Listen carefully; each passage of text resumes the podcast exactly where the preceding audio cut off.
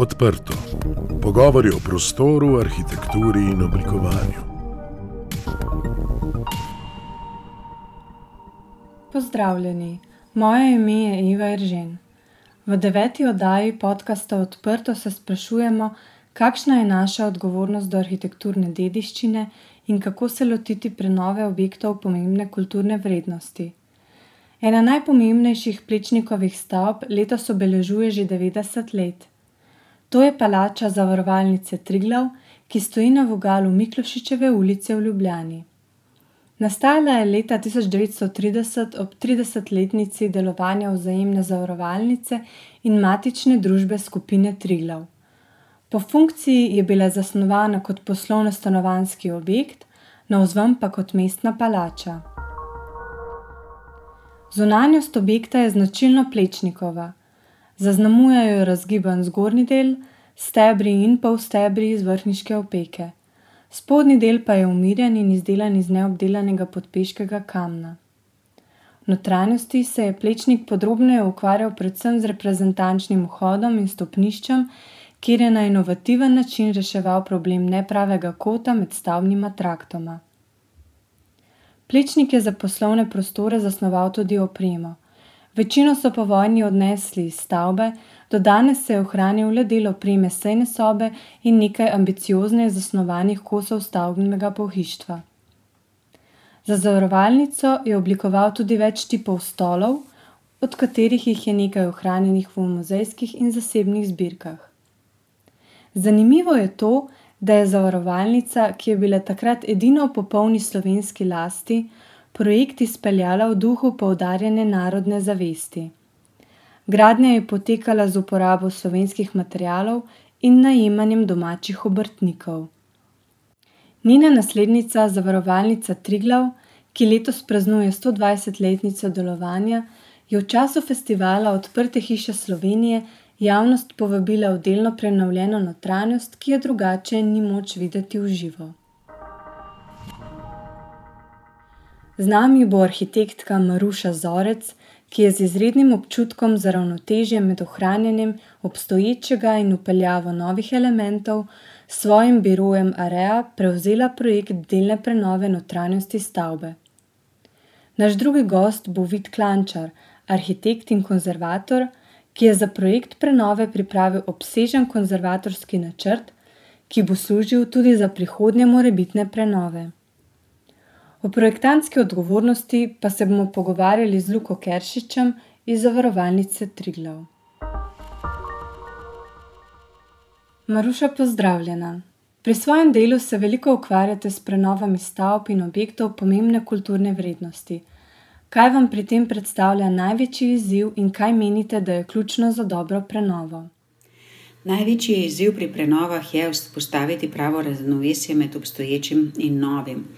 Skratka, vedno se da na tehnico, kaj je pomembno pri tem eh, starem, pri obstoječem in eh, koliko tega novega pravzaprav dodati, da boš vzpostavil novo življenje.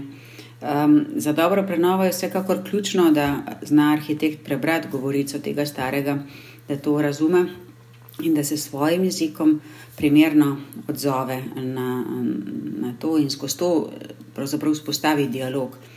Če uh, se v jeziku razumemo, um, potem se lahko tudi pogovarjamo, in podobno je na področju arhitekture. Veliko se srečujete tudi s plečnikovo arhitekturno dediščino. Imate do njegove arhitekture poseben odnos in način dela? Seveda imam do njegove arhitekture poseben odnos. Mislim, da bolj ko se v neke stvari poglabljaš, bližje so ti in uh, ne samo, da jih morda bolje razumeš.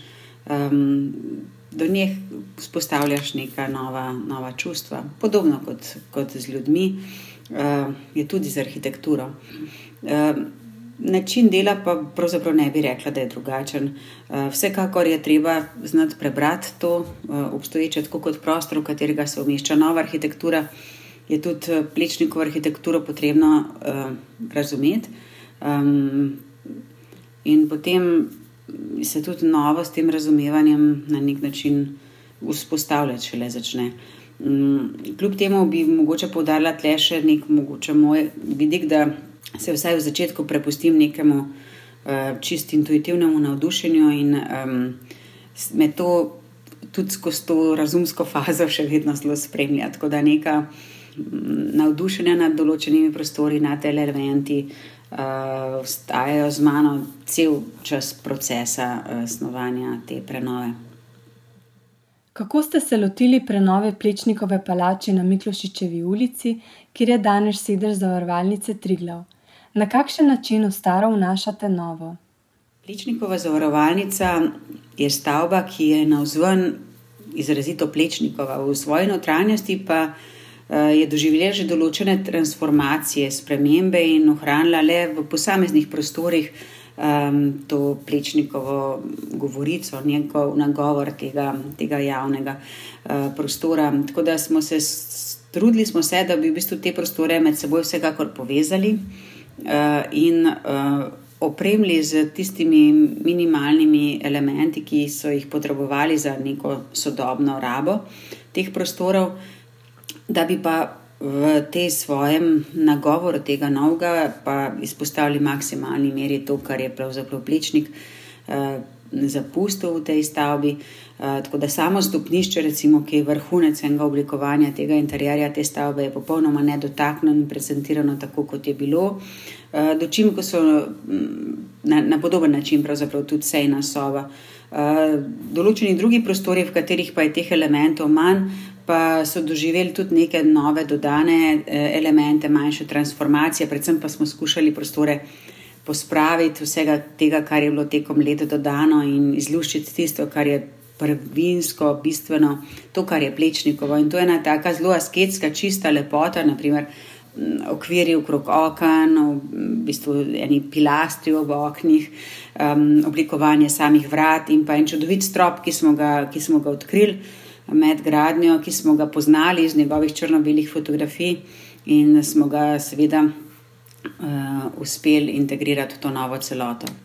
Uh, omenila bi še uh, rekonstrukcijo nesedežne garniture z enega kotička, ki je bil predprostor te večje javne dvorane, vzajemne zavarovalnice takratne. Uh, in skupaj s tem stropom tudi ta kotiček tvori eno, eno novo celoto, ki morda na nek zelo mm, majhen, pa vendar ne zelo jasen način kaže, kaj je bila uh, govorica te plečnikove arhitekture tudi v interjerju te stavbe.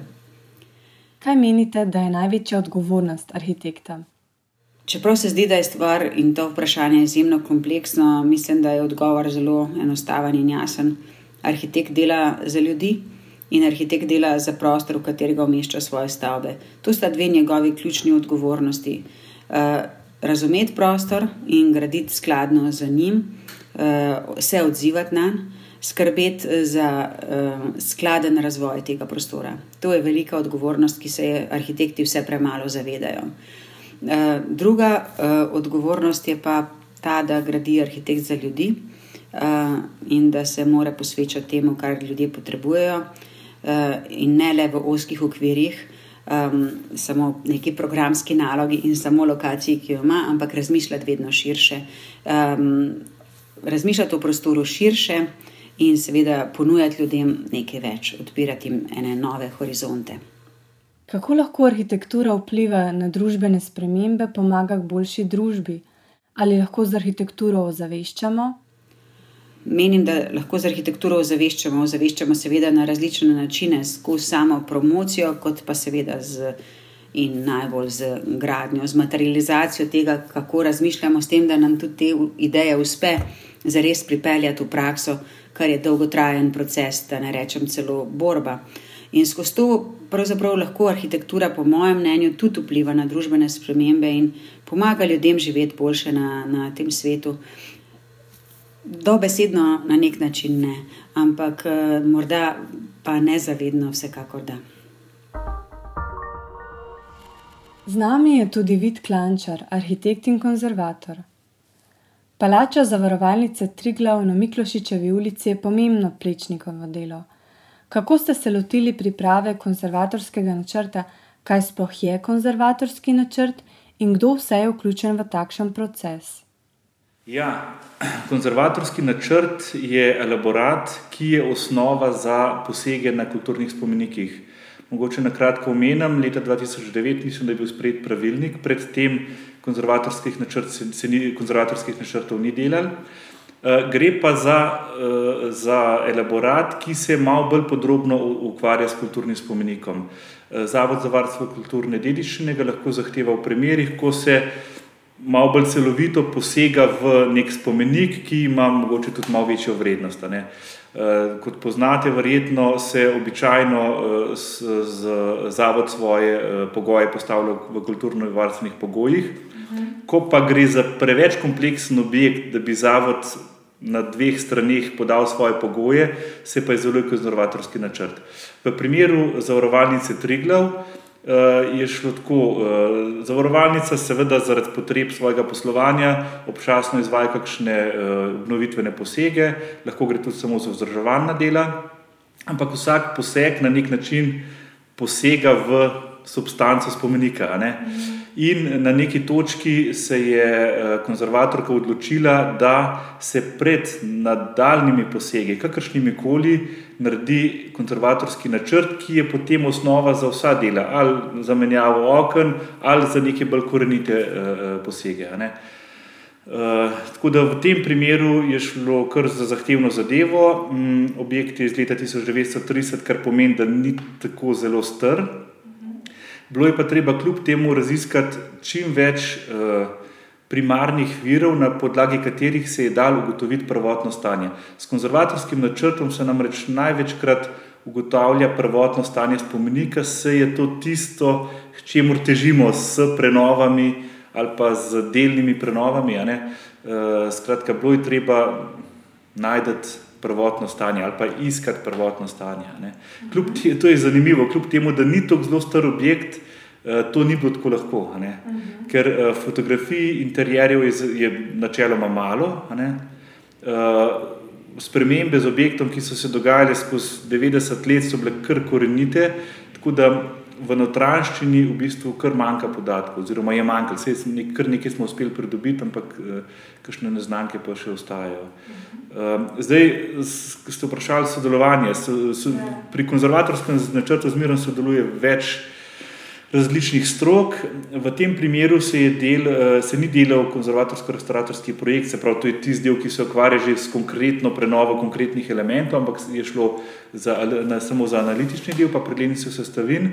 Eh, tle sem, tle sem bil pač vodja jaz kot arhitekt in konzervator, eh, sodelovali so pa tudi restauratori, ki so nekaj manjših sond naredili in, in s tem nekako pomagali pri ugotavljanju prvotnega stanja. Ker gre za starejše objekte, so verjetno načini zbiranja podatkov različni in včasih spominjajo že kar na detektivsko delo. To je en tak dolgotrajen del, kjer človek lahko hitro obupa. Uh, je pa zanimivo, kaj vse je lahko vir podatkov za arhitekturo. Eno, kot sem že menil, seveda so arhivi. Tam se dobi, vrtimo v primeru zavarovalnice, so, so najdeni vsi originalni načrti, ne? tudi nekaj fotografij interjerjev, ampak to doskrat ni dosta. Ne? Ehm, to zbiranje podatkov je, je, eh, je lahko zelo zanimivo, dolgotrajno, je pa predvsem zelo pomembno. No.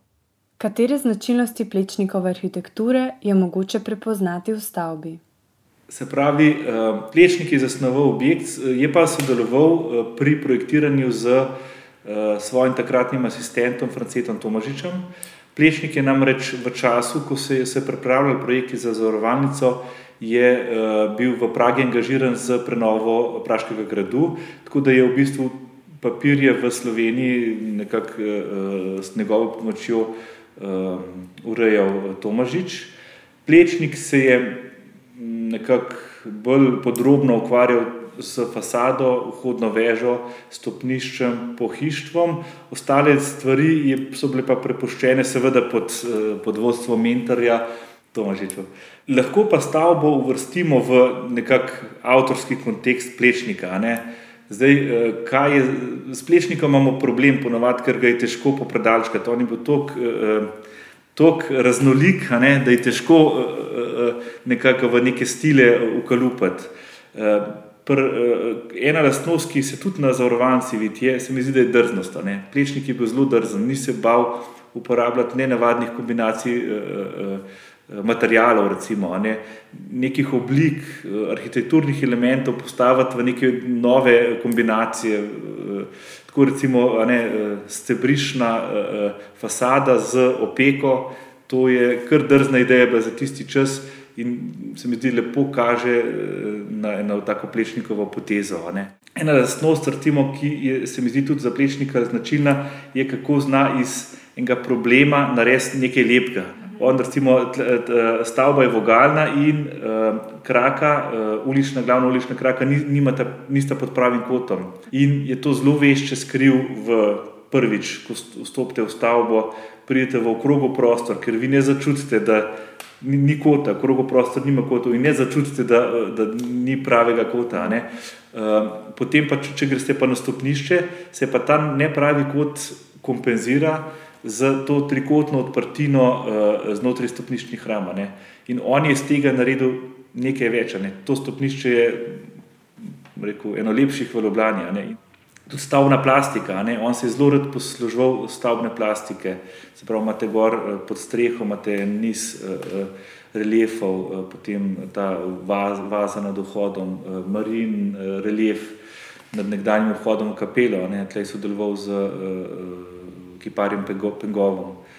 Ehm, in ne na zadnje, seveda, kar je za vse dobre arhitekte značilno, kako narediti stvari lepe. To pa me zmeraj preseneča, kako pri plečniku, ko se tako nenavadnih pristopov loteva, se je loteval, ampak so stvari na koncu lepe. In te skriti ključi, ki, ki, ki, ki se jih je zelo on zavedal, ali pa ne, ampak ki na koncu naredijo nekaj lepega. Ne. Ste ob raziskovanju plasti preteklosti naleteli na kakšne zanimivosti, ki prej morda niso bile znane? Um, ena zanimivost, ki je bila, je uh, ta poznana Plečnikova predavalnica, ne, kjer je ohranjeno še originalno Plečnikovo pohištvo. Um, prvo vprašanje, ko smo začeli delati konzervatorski načrt, je bilo, seveda, kaj dela Plečnikova predavalnica v Tomažičevem objektu. Sam to, ko jaz povem, da bo jasno, eh, po šestih letih, ko je bila zavarovalnica zgrajena, je Tomažič naredil podaljšek eh, trakta ob Miklošičevi pa dvorišni objekt. Skratka, eh, Plečnikova predavalnica se je znašla v Tomažičevem objektu in je bilo vprašanje, kako je to možno. Potem smo pa z preučevanjem fotografij raznega arhivskega gradiva, najbolj je bil pol na koncu odločilen tehnični dnevnik od uh, Tomaži, uh, arhitekta Tomažiča, se je nekako s križanjem podatkom prišlo do, do zanesljive informacije o tem, kje je prej uh, predavalnica bila. Um, to, kar ste še omenili, vprašali uh, glede odkrivanja teh plasti. Ena stvar, ki je, lahko rečemo, v večji meri izgubljena, je, je notranja oprema. Prostori so bili predeljeni, zavarovalništvo se je razvijalo eh, in žal je bilo velika večina opreme, originalne, ki jo je tudi zasnoval Plečnik. Za Plečnika je namreč značilno, da se ni ukvarjal samo z arhitekturo, ampak tudi z detalji. In za skoraj vse te svoje večje projekte je zasnoval po par stolov. Eh, tako je bilo tudi v primeru zavarovalnice, ampak žal v stavbi ni bilo hranjeno nič, eh, razen tistega, kar pač ni bilo možno odnesti. To so le pa te ugradnje knjižne omare v Plešnikovi predavalnici, pa še nekaj malo bolj ambiciozno zasnovanega stavbnega pohištva v tem eh, v prostorih uprave takratne. Ne. So še kakšni prostori, ki so bili v zavarovalnici in jih sedaj ni več? Ja, zavarovalnica je bila katoliška ustanova. Mhm. Ustanovljena je bila pod pokroviteljstvom oziroma s pomočjo škofije. In seveda je v tak objekt eh, pasala tudi kapela. Eh, v kletnih prostorih je bila kapela, eh, imenovala se je turistovska kapela, to pa zato, ker je bila v bližini bil kolodvor. In uh, ob nedeljah zjutraj so bile maše, mislim, do petih ali ob šestih zjutraj, namenjene turistom, ki so šli zjutraj maš, potem pa uh, na izlet, na vlak pa na izlet. Um, kapela, seveda, po vojni, zaradi sprememba režima, ni imela v stavbi več kaj početi, tako da uh, je bila potem odpeljana v Dražgoše, kjer je bila crkva požgana in so tam v neki improvizirani leseni uh, baraki si pomagali, da so imeli pač kapelo kot crkva. Danes je, kasneje pa, pa prenešena potem v crkvu v Dražgošah, novo zgrajeno crkvo. in je še danes tam. En del je v kletnih prostorih, en del je pa shranjen v zvoniku.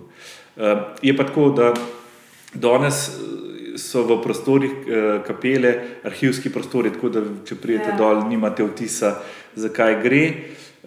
Je pa tudi tle v sreči ohranjena ena oziroma dve fotografije, še prav, ko je bila kapela v zavarovalnici in potem še tudi kasneje, ko je bila prenešena v Dražgoše, tako da se pač vidi, zakaj je šlo. Ne. Pri gradni stavbe je bila poudarjena nacionalna zavest, saj je bila zgrajena iz slovenskih materijalov in z delom domačih obrtnikov. Celoten projekt gradne zavarovalnice je bil uh, peljan zelo v enem takem uh, nacionalnem zanosu. Uh, že sama zavarovalnica se je uh, nekako ponašala s tem, pa tudi reklamirala, to sem pač videl iz takrat sočasnih časopisnih člankov, da je to edina slovenska zavarovalnica takrat bila. Uh, in uh, seveda so s tem razlogom verjetno angažirali domačega in eminentnega arhitekta. Uh, in uh, Plečnik je pri snovanju stavbe uporabil v veliki večini, ali pa skoraj rečemo izključno, samo domače materijale. Opeka na fasadi je vrhniška opeka, kamen na stopnicah je kraški, stebri so iz podpeškega kamna, les je bil tudi verjetno eh, domača. Ne.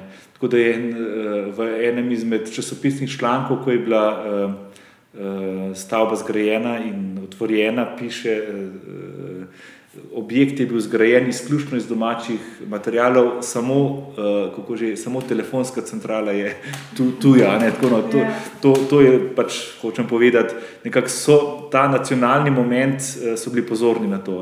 Tudi, v, tudi ravno tako v časopisnih člankih govorijo o tem, da samo domači obrtniki delajo in tako naprej. No. Tako da, ta nacionalni moment je bil kar uh, pomemben.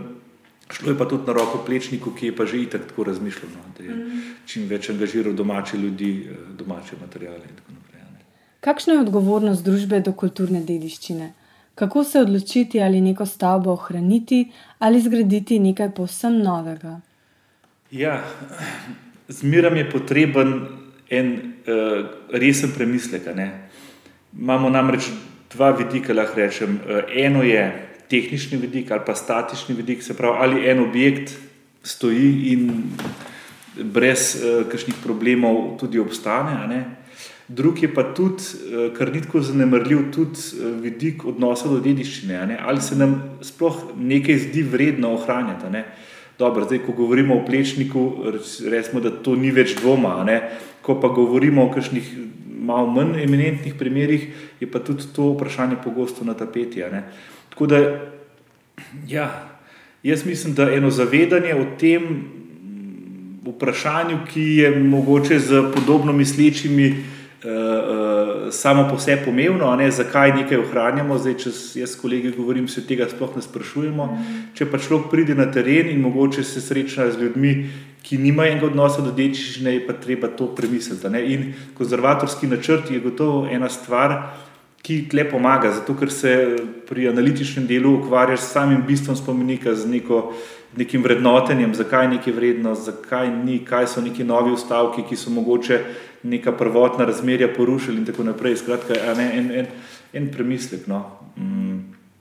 Tako da tle tudi mogoče se navežem na zavarovalnico. Tle je, bom rekel, kar um, pohvalno, no, da je zavarovalnica nekako um, zastopila to potrebo po tem, da se to ohranja, ne, da se plečnikova dediščina ohranja, in je potem eh, med prenovo v sodelovanju z odgovorno konzervatorko in tudi s projektanti nekako so upoštevali kar nekaj eh, eh, predlogov, ki bi mogoče po eni poslovni logiki ne bila ta prva varijanta. Ne. Se mi zdi, da je ena tako večjih pridobitev med prenovami zadnjih let je eh, ponovna vzpostavitev eh, čakalnice v prvem nastropju. Eh, gre namreč za prostor, ki je praktično v celoti bil povrnjen v prvotno stanje. V ostalih prostorih to pač zaradi predelitev prostorov, izgubljene opreme, praktično ni možno. Tle je pa bilo to možno, ker gre za pač nek prehodni prostor, ki je že v osnovi služil delno kot čakalnica, delno je bil predeljen v neke prostore in je bil. Mm, lahko rečem, da med temi povojnimi posegi dosti degradirana, če gledam z vidika uh, plečnikove dediščine. Ne. Uh, tle so uh, uh, lastniki prisluhnili uh, projektantom in sledili tej ideji, da se nekako prostor, uh, kolikor se da, povrne v prvotno stanje. Treba je bilo odpreti stropove, ker so bili prej sproščeni stropovi, da so se pokazali neki ti stropni nosilci. Na novo je bil narejen parket eh, kot rekonstrukcija po ohranjenih fotografijah. Eh, stene so bile očiščene, bom rekel, eh, raznega pohištva, tudi pohištvo je bilo vrnostranjeno.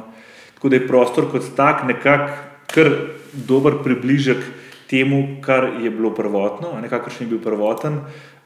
Potem pa še ena zelo pohvalna stvar, no, zavarovalnica se je odločila, da naredi tudi kopijo pohištva Plečnikovega, ko, ko je bil objekt zgrajen, je bil ta prostor fotografiran in se vidi eh, tudi tak eh, kotiček čakalni z mizico in stoli.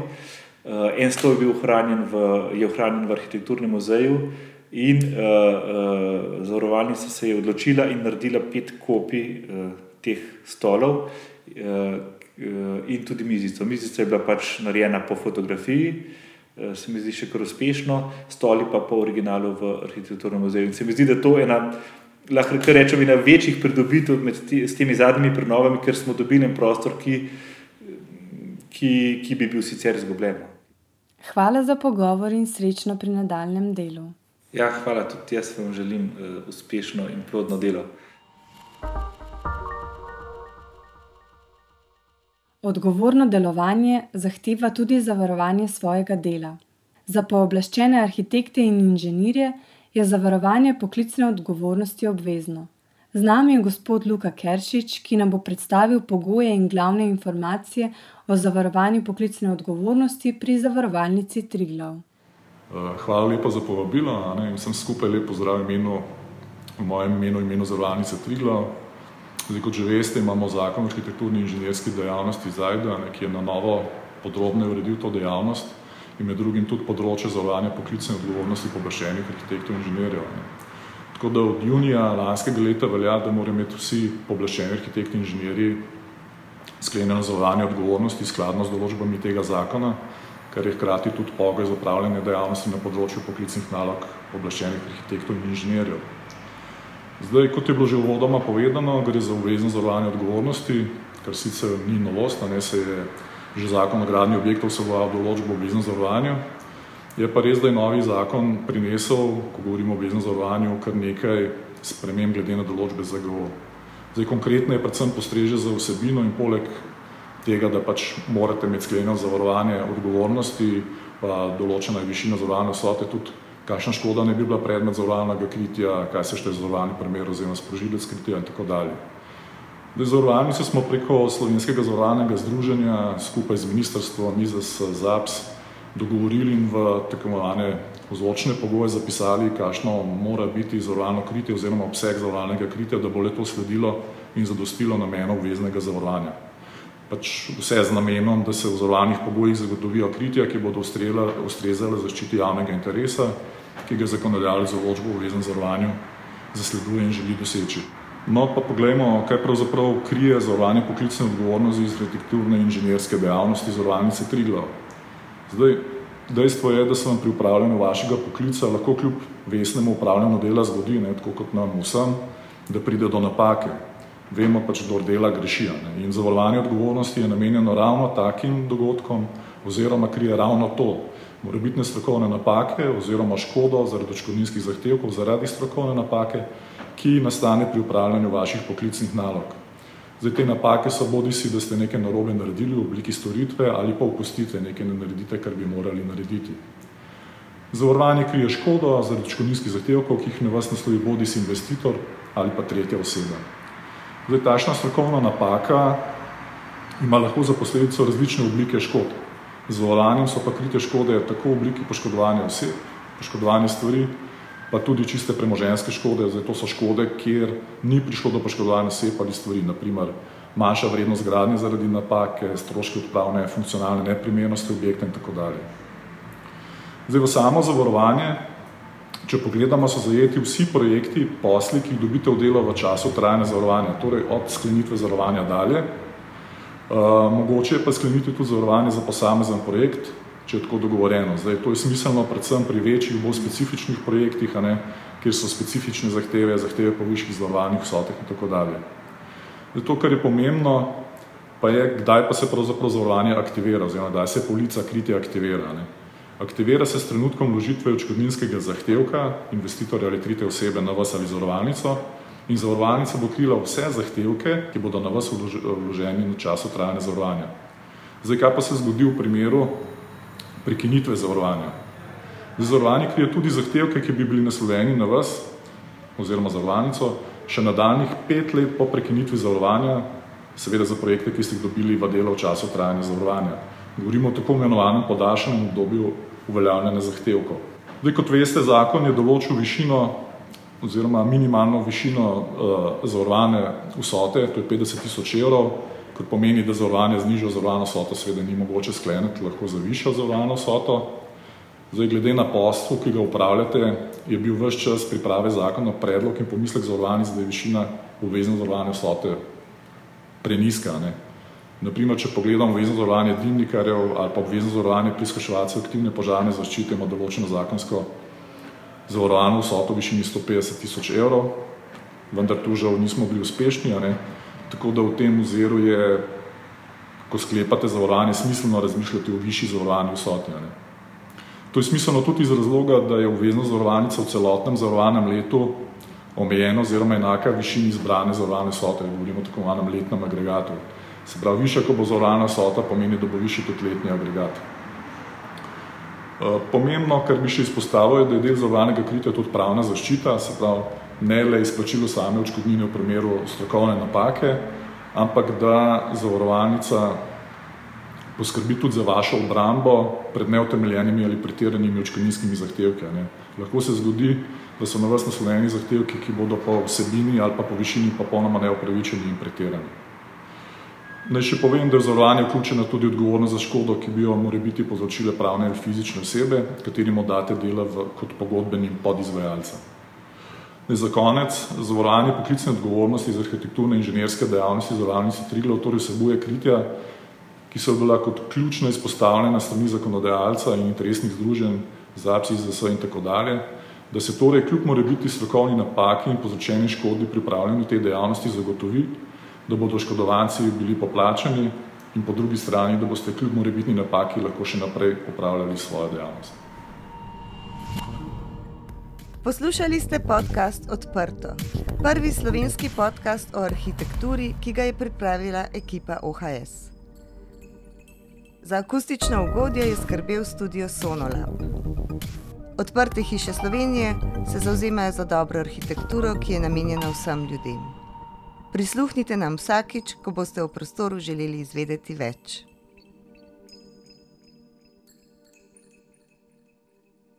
Da smo lahko odprto spregovorili o prostoru, nam je svojo podporo omogočilo Ministrstvo za okolje in prostor.